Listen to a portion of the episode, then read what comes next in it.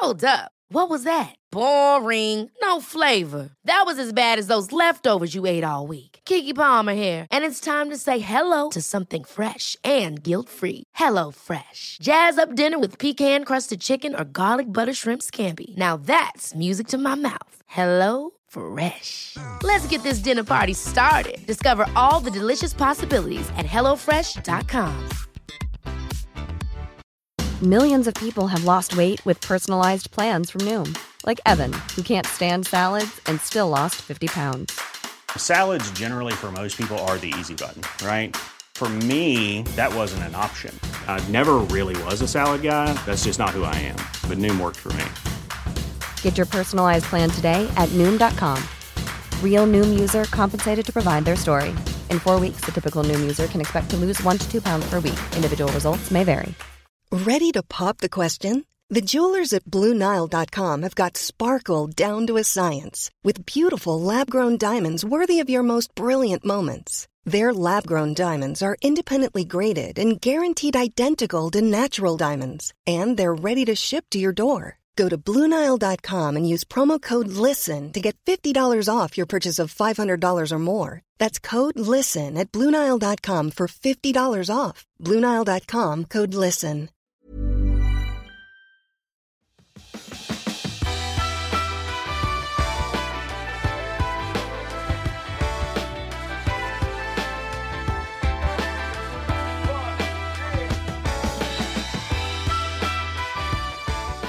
Hej och hjärtligt välkommen till Klimakteriepodden med mig Åsa Melin. Det är år 2023 och vi tampas med okunskap, dåligt bemötande och vi vet inte var och hur vi ska söka vård och information om klimakteriet. Det är verkligen stör mig faktiskt att så många kvinnor känner sig missförstådda och får kämpa för att bli lyssnade på. Men det är ju inte någon bara någon annans fel eller strukturens fel eller vårdens fel eller statens fel eller så, utan vi måste ju också själva efterfråga informationen och våga kräva att få den här uppdaterade och individuellt anpassade vården och stöd för våra livsstilsförändringar som kan vara nödvändiga. Både stort och litet räknas och alla kan göra någonting, så bara att våga tala med en närstående kan faktiskt göra skillnad. Så jag uppmanar dig som lyssnar på det här att faktiskt kanske ta ett litet steg i riktningen att våga visa att du vill ha mer. Det kan räcka med bara något alltså, pyttesteg. Men ja, det är i alla fall så att jag tycker att eh, det är så fruktansvärt konstigt att vi är så ointresserade av oss själva att vi är oförberedda på klimakteriet. Och sen när det väl kommer så vill vi ha massor som inte finns. Ja, alltså kommer man i tidigt klimakterium så är det ju en sak att man inte är förberedd. Men vi som börjar ha väldigt tydliga symptom kring 46-48 sådär och tror att vi är sjuka. Jag är ju en av dem själv. Jag var ju också en av de kvinnor som trodde att det var fel på mig. Nej, klimakteriet är inte fel en gång för alla. Det är normalt. Men man kan behöva hjälp och dämpa sin oro, ta bort symptom som gör att man inte fungerar, få livsstilsråd, sömnterapi eller vad vet jag. Ja, okej. Okay. Ehm, där ja, får vi se om det är någon som fortfarande lyssnar. Men här i det här avsnittet så ska vi i alla fall få svar på vad som går att göra redan nu idag. Med mig har jag en barnmorska som arbetat med klimakteriemottagning i många år. Och blir du sugen på fler avsnitt med just barnmorskor så kolla in avsnitt 66, 132, 203 och 204. Och du som känner av symptom och i början av din omställning, kolla också in avsnitt 135, 164 och 264 som handlar om just perimenopausen eller förklimakteriet som vi ofta kallar det. I nästa avsnitt så ska superinspiratören Susanne Dahlstedt komma med riktigt bra och tydliga tips som alla kommer kunna älska just på tal om det här med livsstilsförändringar. Men nu så, nu kör vi klimakteriekunskap med Annette Lycke. Så välkommen att lyssna.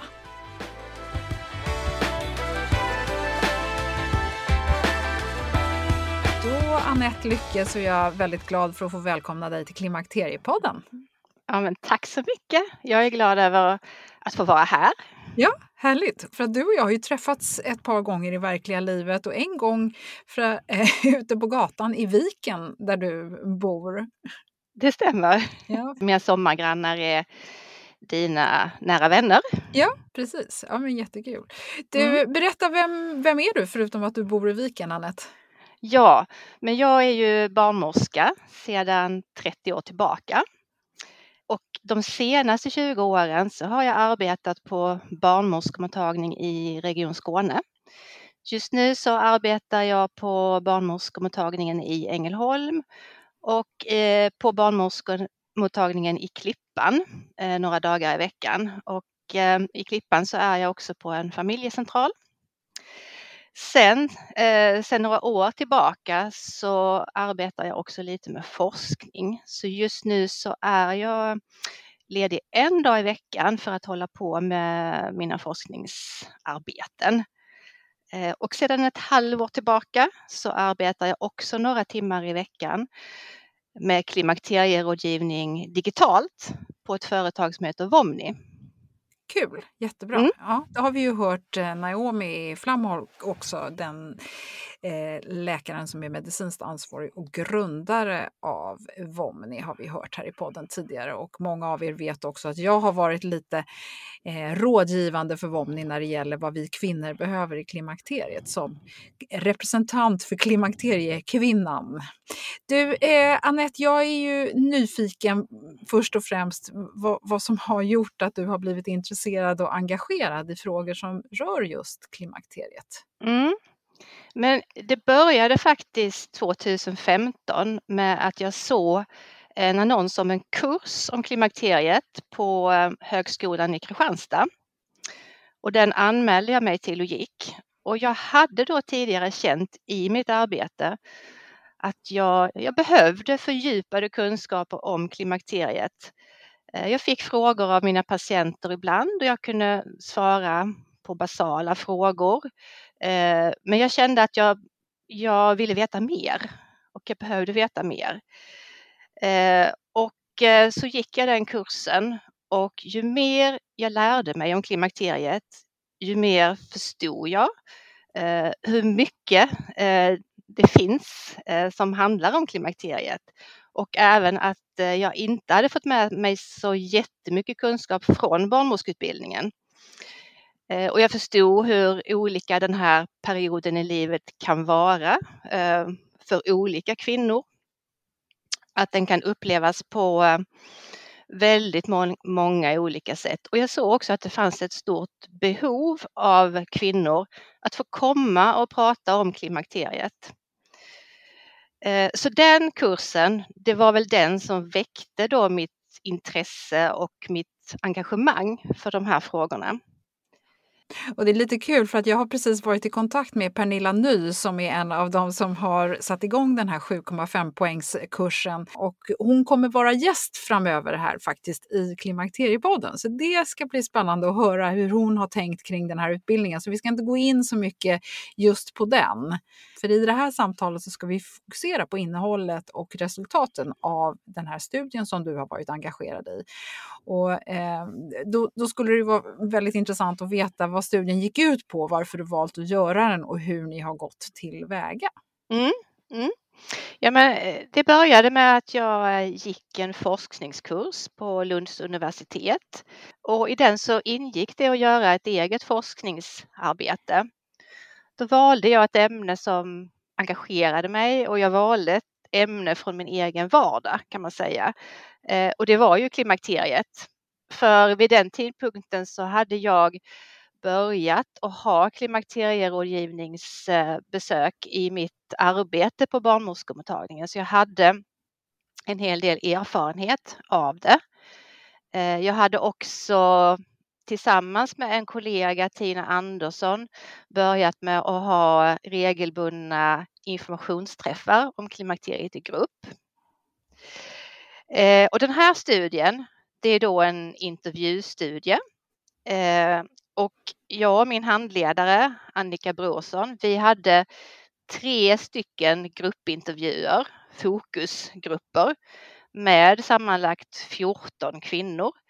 Eh, och de här 14 kvinnorna hade aktuell erfarenhet av klimakteriet. Eh, vårt syfte med studien det var att undersöka de här kvinnornas erfarenheter av klimakteriet, deras förväntningar och även önskemål om hjälp från hälso och sjukvården. Det var också att undersöka deras egen kunskap om klimakteriet. Eh, och vi ställde också frågor om ehm, eh, rådande attityder och tankar om klimakteriet från kvinnorna själva och vad de också upplevde fanns i samhället generellt och även om de hade upplevt eh, det i hälso och sjukvården. Det resultatet vi fick, eh, det var att kvinnorna, de flesta kvinnorna i studien kände sig oförberedda eh, på den här fasen i livet. Det var en del kvinnor som när de fick sina första vallningar så trodde de att de hade blivit sjuka att de hade fått feber. De förstod inte riktigt att det var klimakteriet som de hade hamnat i. Men, äh, men just den aspekten, hade du inte sett den redan ja. när du hade ja. dina mottagningar?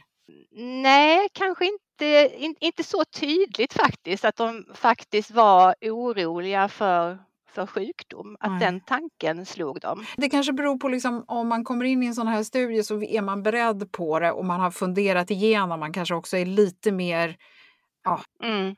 Och sen tänker jag att de här kvinnorna som kanske först trodde att de var sjuka, de kanske inte söker barnmorska i första hand då för rådgivning. Så, så det var dels det och sen så sa många kvinnor också att de tyckte att de hade otillräckliga kunskaper själv om klimakteriet.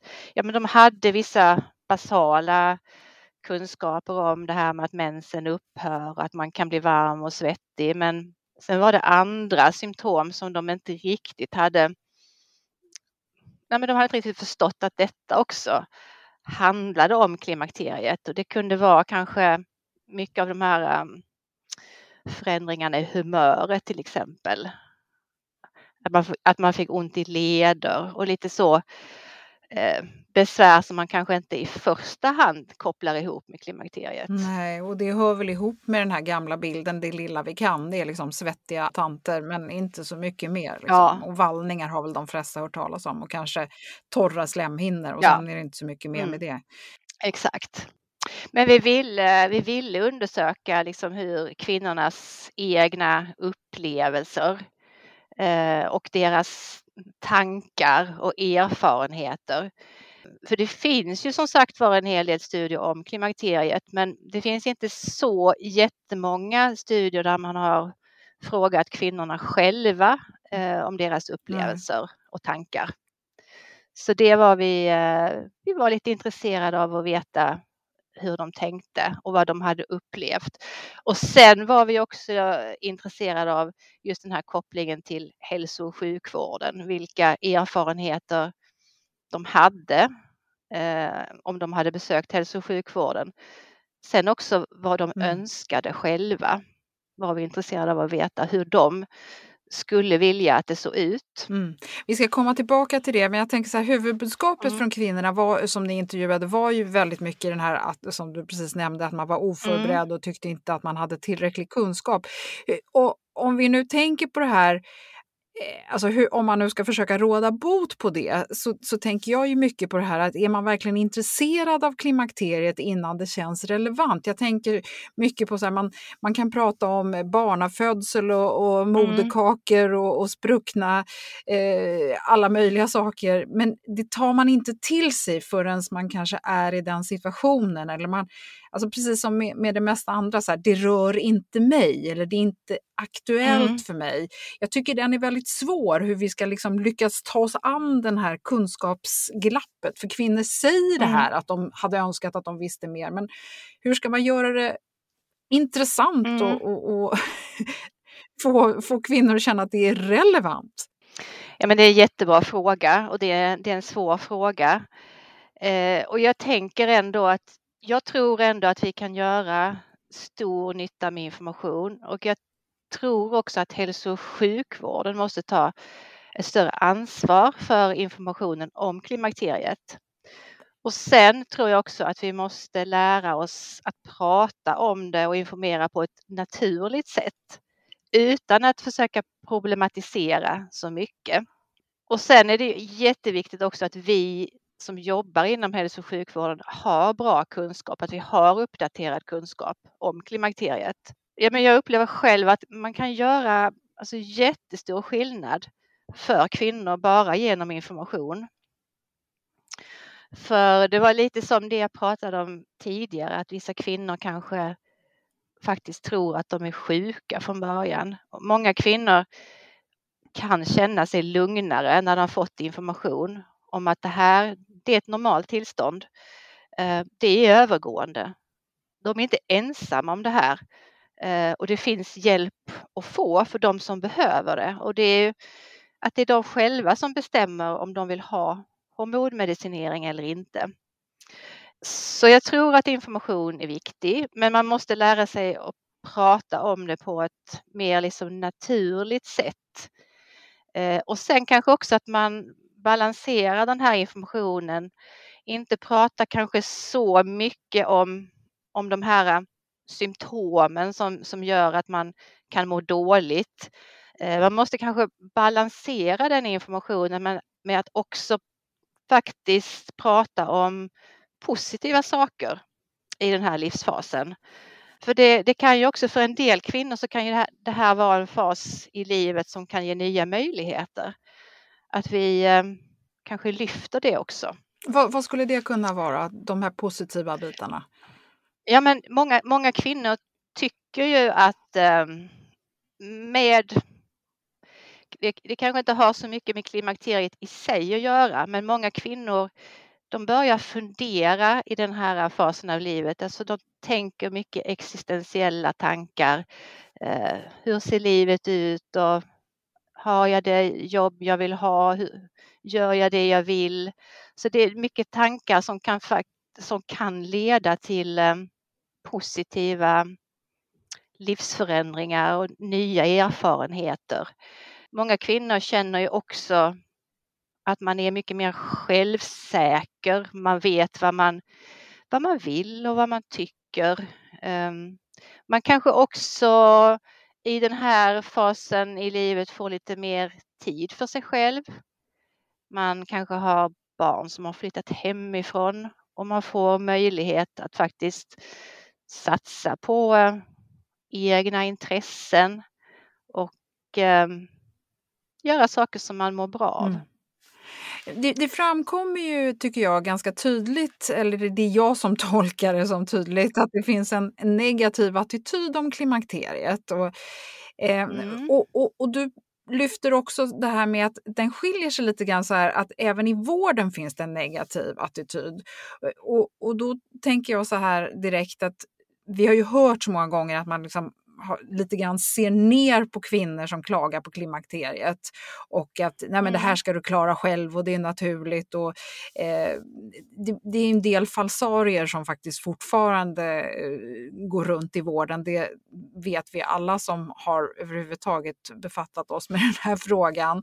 Och, eh, då, då, tänker jag så här att det är lite nedärvt det här.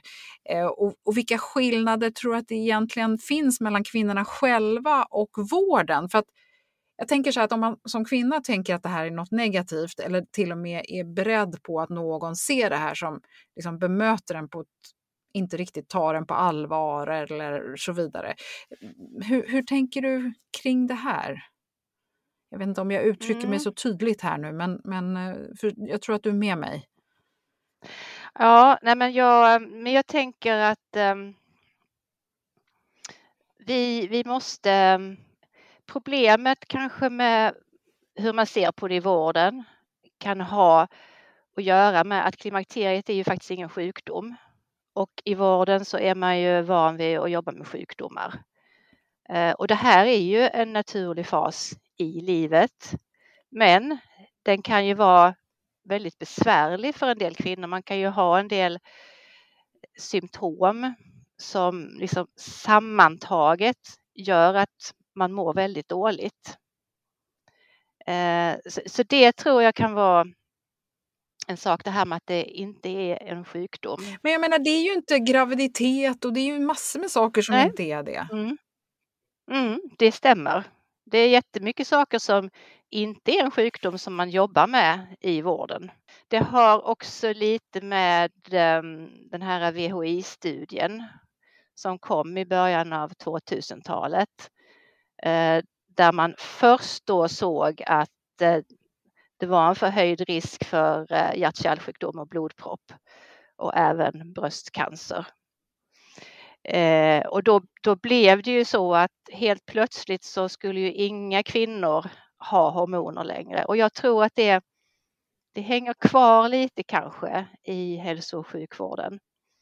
Sen har man ju omvärderat den studien och så att man eh, studerade kanske kvinnor som var, redan hade hjärt-kärlsjukdom och de var äldre när de fick den här behandlingen. Så man vet ju nu att eh, hormonbehandling är ju en säker behandling om man ger den på rätt sätt. Jag tänker just den här rädslan och skepsisen för att överhuvudtaget söka hjälp och eh, framförallt så vet vi ju att det finns ju fortfarande en rädsla för hormonbehandling och eh, mm. den, jag menar, träffar man fel person där i vården så är det klart att man kommer ju få den rädslan mm. bekräftad. Medan träffar du rätt person som har den uppdaterade kunskapen och eh, ett lite bredare intresse så, så kommer man ju få en helt annan bild. Och jag tänker att det, det, det är en del av problemet med mm. klimakteriet, mm. att det, det, är så mycket åsikter som far omkring. Mm. Ja, men det är sant. Och därför så tror jag också att det är jätteviktigt att vi har, eh, eh, vi som jobbar med det, har uppdaterad kunskap. Och generellt så tänker jag att eh, barnmorskor på barnmorskemottagning och även personal på, i primärvården behöver en uppdaterad kunskap om klimakteriet. Mm. Kvinnornas egna negativa tankar om klimakteriet det handlar ju mycket om eh, förändringar i kroppen och förändringar av utseendet. Eh, och så handlar det också om att många kopplar ihop klimakteriet med att bli äldre. Och vi har ju lite generellt i samhället en ungdomskultur, eh, att man hyllar ungdomen. Och det gör att man kanske skjuter det ifrån sig hellre än tar det till ja, sig och försöker ja, hitta det som ja. är positivt. Nej, men jag förstår precis.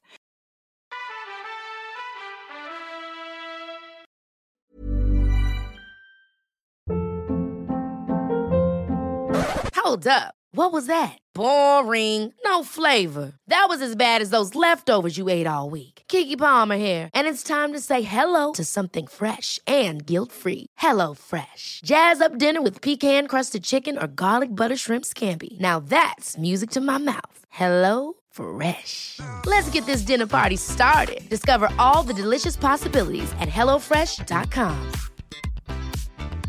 Quality sleep is essential. That's why the Sleep Number Smart Bed is designed for your ever evolving sleep needs. Need a bed that's firmer or softer on either side? Helps you sleep at a comfortable temperature? Sleep Number Smart Beds let you individualize your comfort so you sleep better together. JD Power ranks Sleep Number number 1 in customer satisfaction with mattresses purchased in-store. And now, save 50% on the Sleep Number limited edition Smart Bed for a limited time. For JD Power 2023 award information, visit jdpower.com/awards. Only at a Sleep Number store or sleepnumber.com. Many of us have those stubborn pounds that seem impossible to lose, no matter how good we eat or how hard we work out. My solution is PlushCare.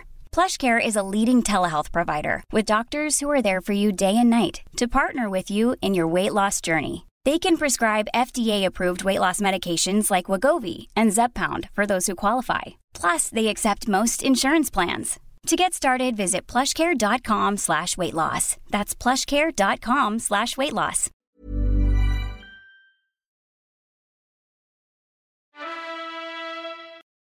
Du, eh, mm. genom att vi talar mer om klimakteriet så är det ju så ibland att eh, det är inte bara positivt tänker jag, utan vi skapar också potentiellt lite oro, vilket det också faktiskt finns studier på kring vad som ska hända när man kommer i klimakteriet. Och det är inte bara åldersoron då.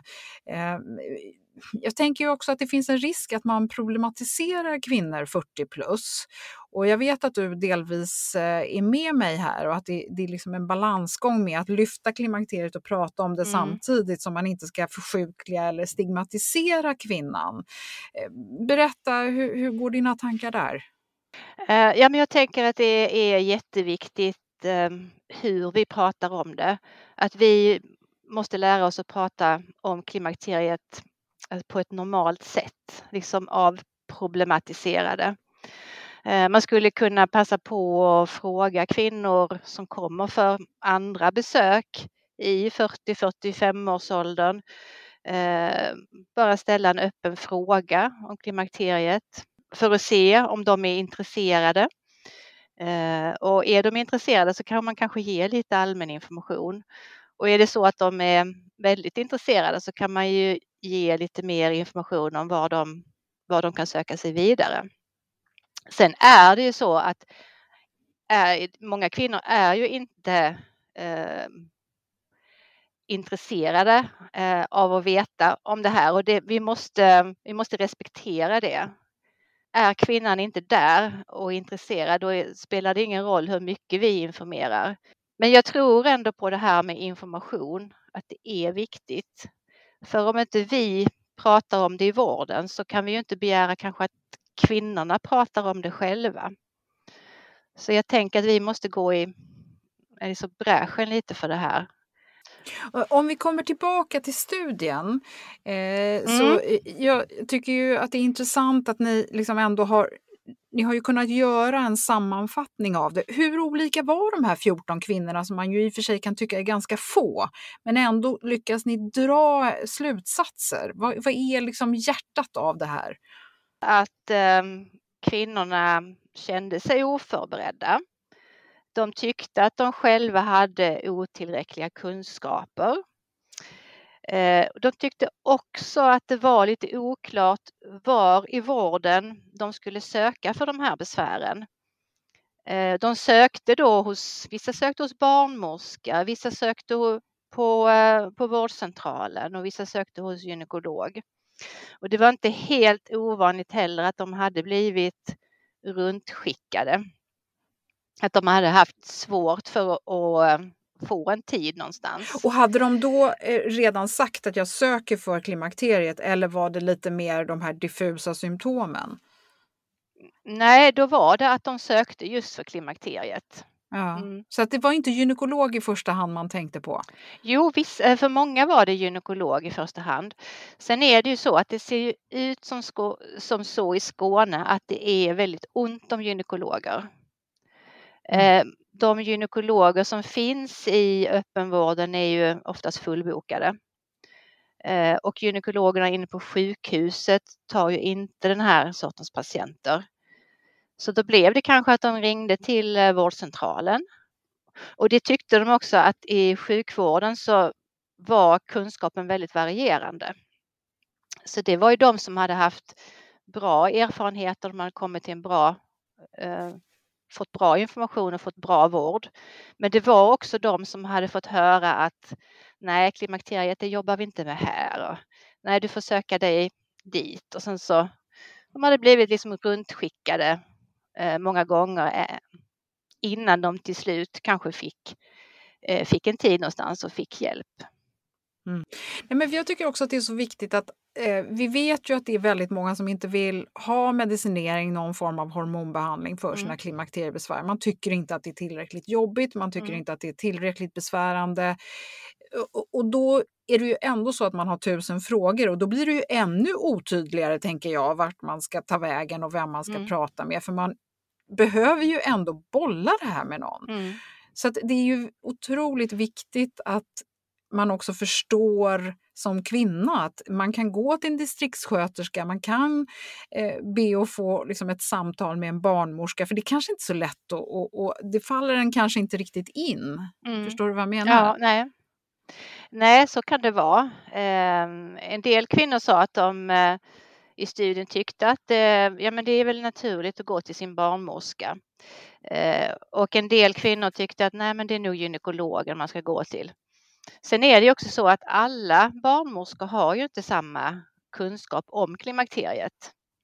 Så där kan det också vara lite svårt ibland när man ringer till en barnmorskemottagning så kanske det inte finns någon barnmorska just på den mottagningen som eh, har gått den här utbildningen om klimakteriet.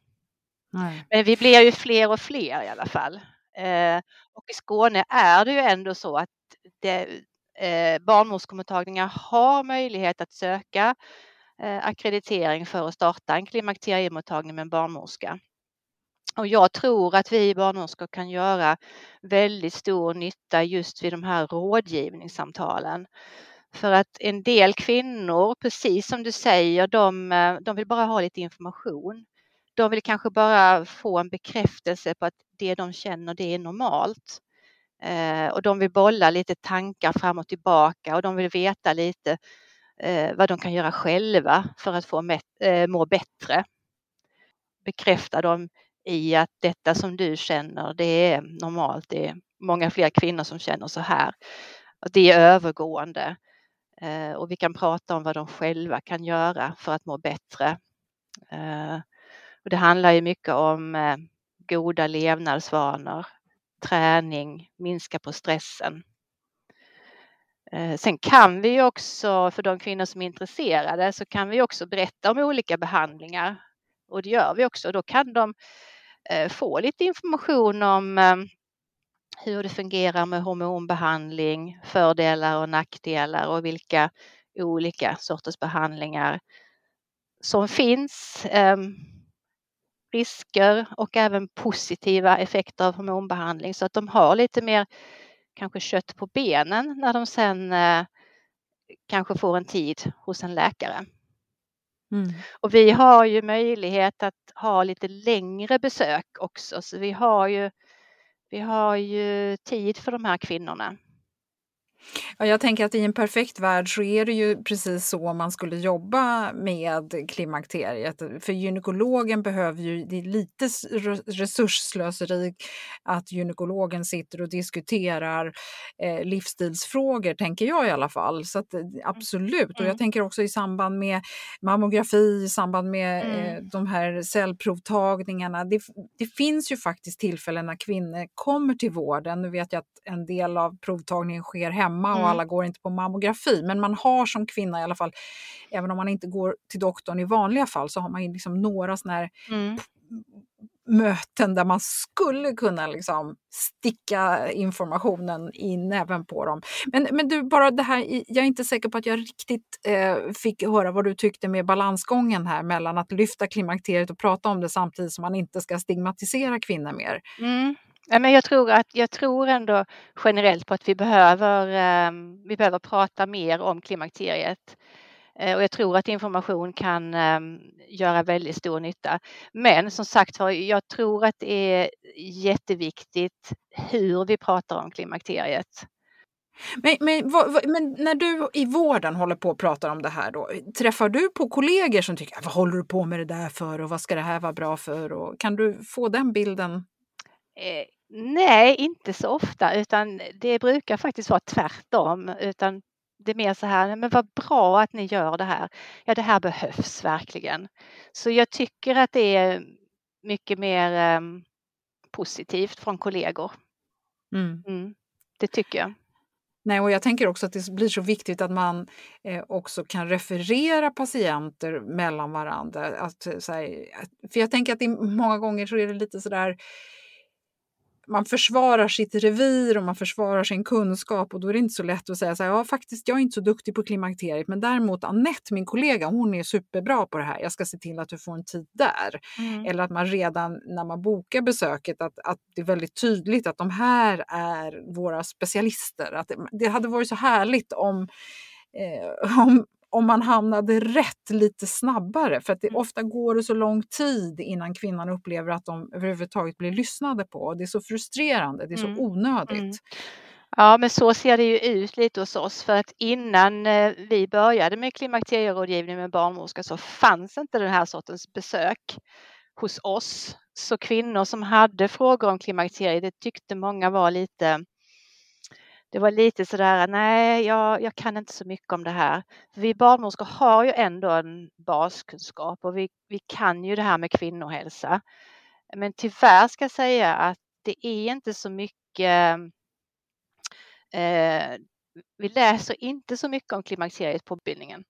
Nej, och, och, det är ju samma sak i läkarutbildningen och det är samma sak i sjuksköterskeutbildningen som ju ni har i botten. Så att jag menar, det är ju en, nej men det är ju jättekonstigt och jag hoppas att vi, vi får en förändring där, att det inte ska behöva en, liksom en, en, det är klart att man kan ha fördjupningskurser vid sidan om. Men, men om du nu skulle råda bot på allt det här, det är ju en stor fråga naturligtvis, men om du skulle få förfoga över allt styre och mm. obegränsade resurser, hur skulle man hantera kvinnohälsovården? Man måste generellt satsa mer på kvinnohälsa och på klimakteriet. Se eh, långsiktiga vinster eh, av att kvinnor är upplysta och hade tillgång till mer rådgivning och vård. Eh, och man vet ju det att det är många kvinnor som eh, kan må lite svajigt i den här åldern, 45 till 55 år en hel del kvinnor som blir sjukskrivna. Och jag tänker att mer förebyggande information kanske hade förhindrat att en del kvinnor hamnade i utmattning och blev sjukskrivna. Sen tror jag också på det här med att man skulle kunna ha ett erbjudande till kvinnor någonstans runt 45-årsåldern. Kanske att det kom hem ett erbjudande i samband med att man fick en kallelse till cellprov eller att man fick hem självtestet för cellprov så som det ser ut i vissa regioner.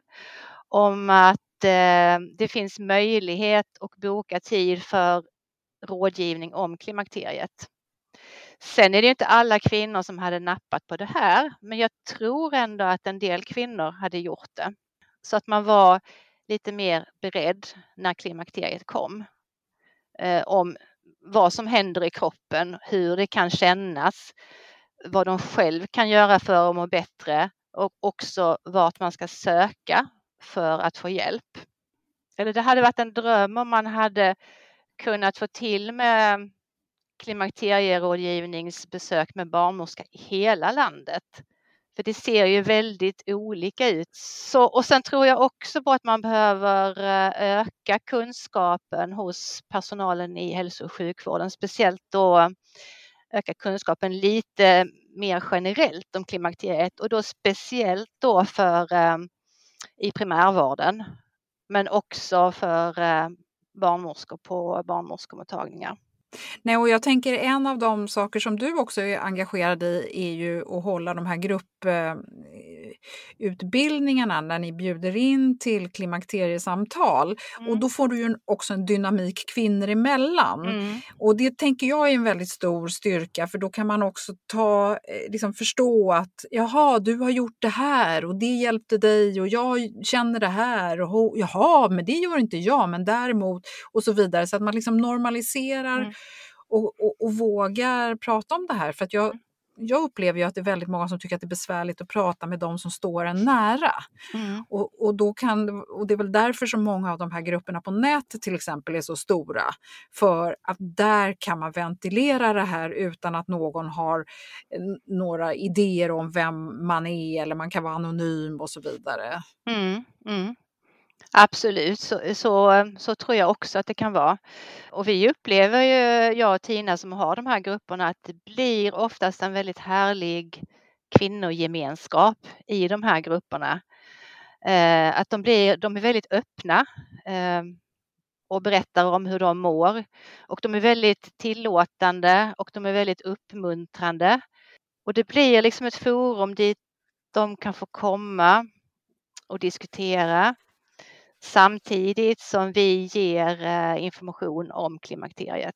Ja, och då kan man ju från det förstå att okej, okay, det här behöver jag ta vidare till ett privat eller ett individuellt mm. samtal eller det här behöver jag en läkare eller här behöver jag... Ja. Det, det, är ju, det, det, tänk vad enkelt det hade varit egentligen, mm. eller hur? Ja, absolut det är ju ingen jättekostnad. Lokalerna finns oftast och eh, jag menar någon timme några gånger med 20 kvinnor i rummet eller 10 kvinnor mm. i rummet. Det borde ju inte vara någon, någon jätteansträngning i jämförelse vad, vad konsekvenserna kan bli precis som du själv nämnde tidigare här nu med sjukskrivningar och att man irras mm. runt i vården, vården och kastas mellan olika professioner och så vidare. Mm. Mm. Nej, men det, ja, vi, det ger oss jättemycket energi och vi tycker vi gör väldigt stor nytta med de här grupperna.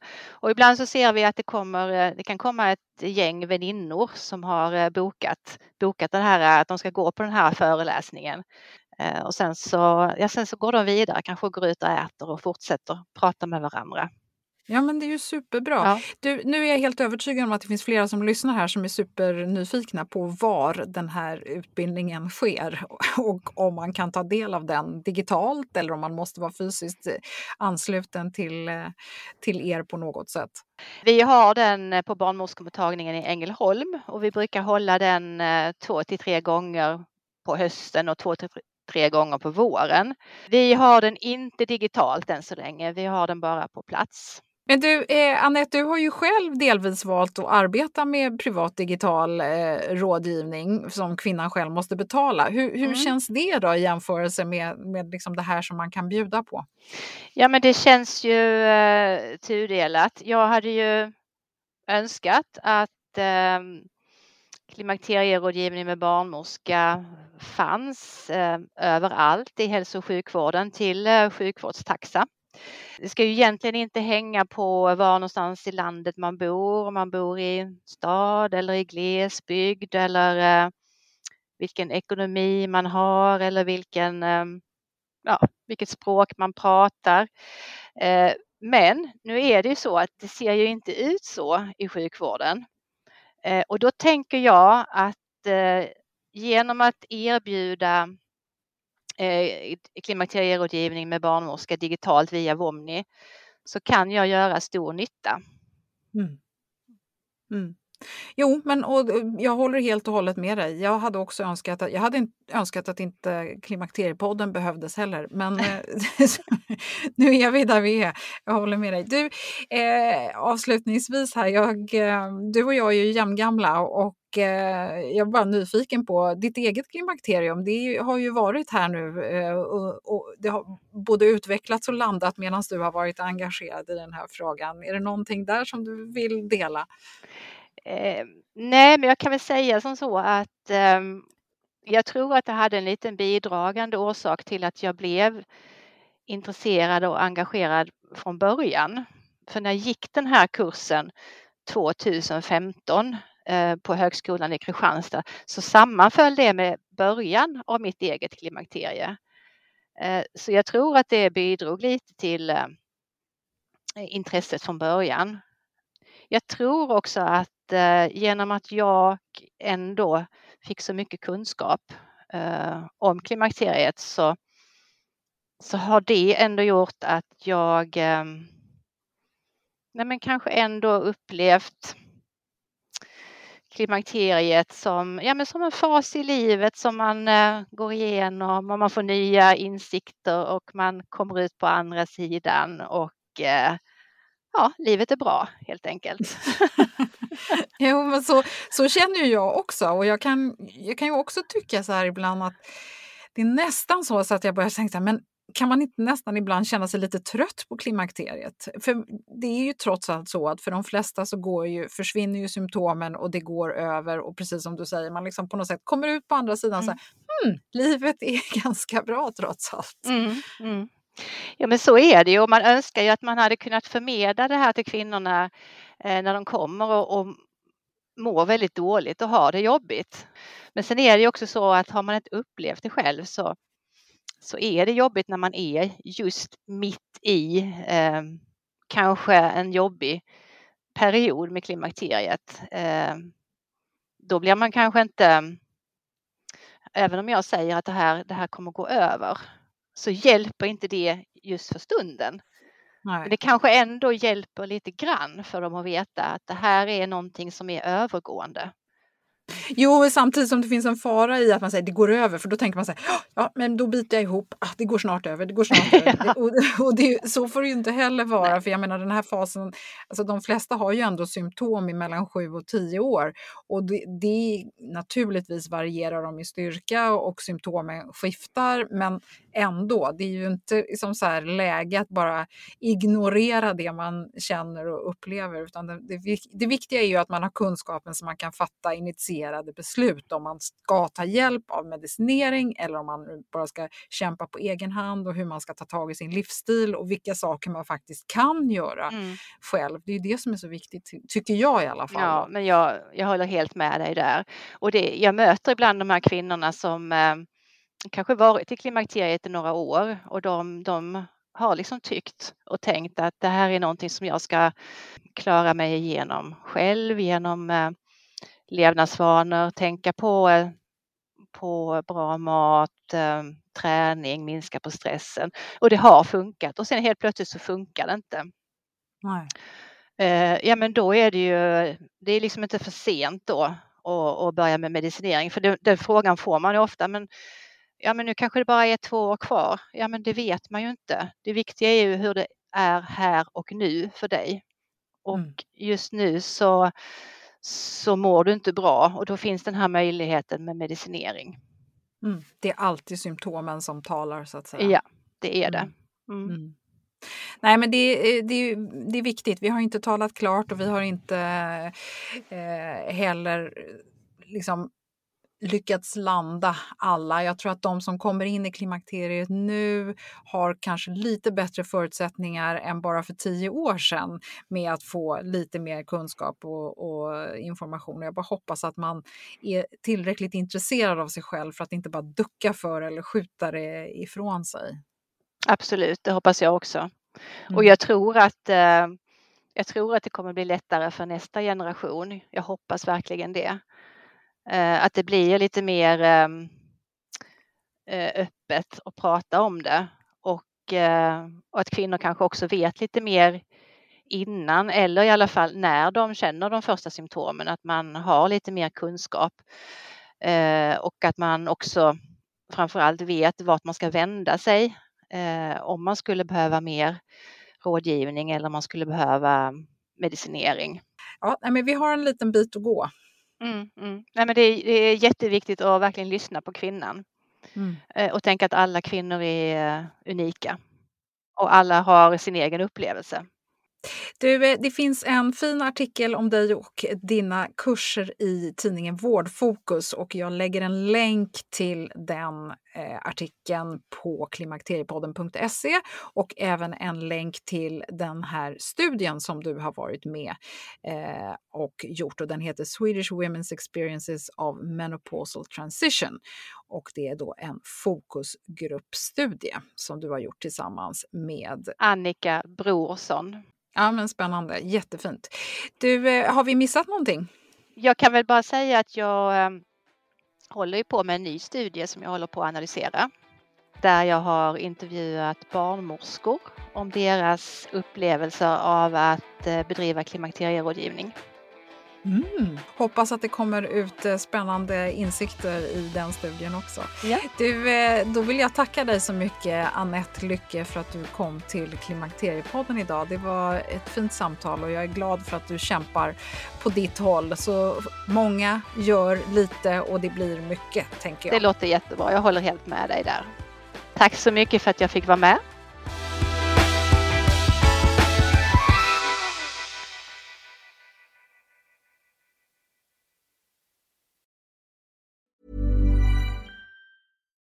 Hi, I'm Daniel, founder of Pretty Litter. Cats and cat owners deserve better than any old-fashioned litter. That's why I teamed up with scientists and veterinarians to create Pretty Litter. Its innovative crystal formula has superior odor control and weighs up to 80% less than clay litter. Pretty Litter even monitors health by changing colors to help detect early signs of potential illness. It's the world's smartest kitty litter. Go to prettylitter.com and use code ACAST for 20% off your first order and a free cat toy. Terms and conditions apply. See site for details. Ever catch yourself eating the same flavorless dinner three days in a row? Dreaming of something better? Well, HelloFresh is your guilt-free dream come true, baby. It's me, Gigi Palmer. Let's wake up those taste buds with hot, juicy pecan-crusted chicken or garlic butter shrimp scampi. Mm. Hello Fresh. Stop dreaming of all the delicious possibilities and dig in at HelloFresh.com. Let's get this dinner party started. Imagine the softest sheets you've ever felt. Now imagine them getting even softer over time. That's what you'll feel with Bowl and Branch's organic cotton sheets. In a recent customer survey, 96% replied that Bowl and Branch sheets get softer with every wash. Start getting your best night's sleep in these sheets that get softer and softer for years to come. Try their sheets with a 30-night guarantee. Plus, get 15% off your first order at bowlandbranch.com. Code BUTTERY. Exclusions apply. See site for details.